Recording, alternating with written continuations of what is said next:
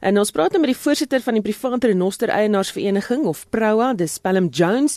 Ons wil ook gesels met die direkteur van die departement toerisme navorsing by die Noordwes Universiteit se Potchefstroom kampus, professor Melville Simon. Môre Pelham sê gou vir my Proa se standpunt oor die verkoop van 'n renosterhoring is baie duidelik. Julle is ten gunste daarvan, maar verduidelik dalk weer vir ons hoekom julle voel dat renosterstropery dit renosterstropery sal hokslaan. Wel feit bly staan as jy kyk na die syfers sedert 19 uh, 2009 toe hulle uh, die moratorium ingebring het as jy verder in geskiedenis teruggaan na um, uh, 1977 toe die CITES uh, verbod ingekom het. Vra net een vraag, het die verbod die moratorium of die prohibition gewerk? Glad nie.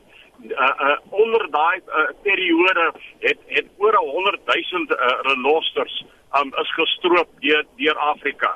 So ons het gesê die ding werk nie. Ek moet sê ek kry 'n redelike irritasie wanneer ek wanneer wanneer ek hoor van sekere van hierdie animal rights organisations soos EWT, WWF wat praat oor dinge soos byvoorbeeld daar's nie genoeg uh, beheermaatreëls. Dis absoluut nonsens. Daar is uh, baie goeie wetgewing in in in bestaan, NEMBA topstaf internasionale wetgewing wat kan verseker dat hierdie sogenaamde bloedhorings nie in die uh, in, in die handelsstelsel inkom en dat uh uh tweedens dat die albei die verkoper en die koper is uh uh, uh is is onder 'n spotlight met ander woorde hulle moet die nodige dokumentasie hê en so voort.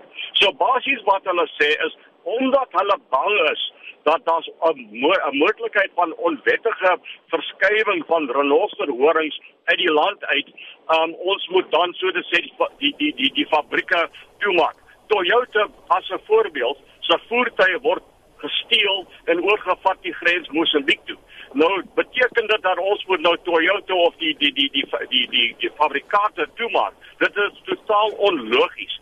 So met ander woorde, ons is in 'n redelike desperate situasie ons het sedert 2009 aan um, oor die 2 miljard rand gespandeer op renosterbewaring en sekuriteit sonder 'n enkele sent help van die regering en bittermin van van uh, hierdie verskillende uh, donor organisations. So on, ons is in uh, is in besit van 37% van die nasionale bevolking van van renosters. So ons het 'n reuse verantwoordelikheid en en en en en, en, en dis 'n bietjie van 'n swaar uh, uh, vrag om te dra op ons skouers. Hmm.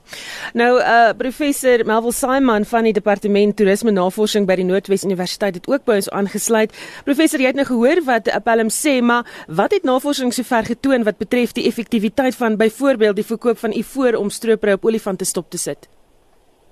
Ja, dit is uh Susan is interessant dat ons dat iemand het gesê die geskiedenis herhaal homself.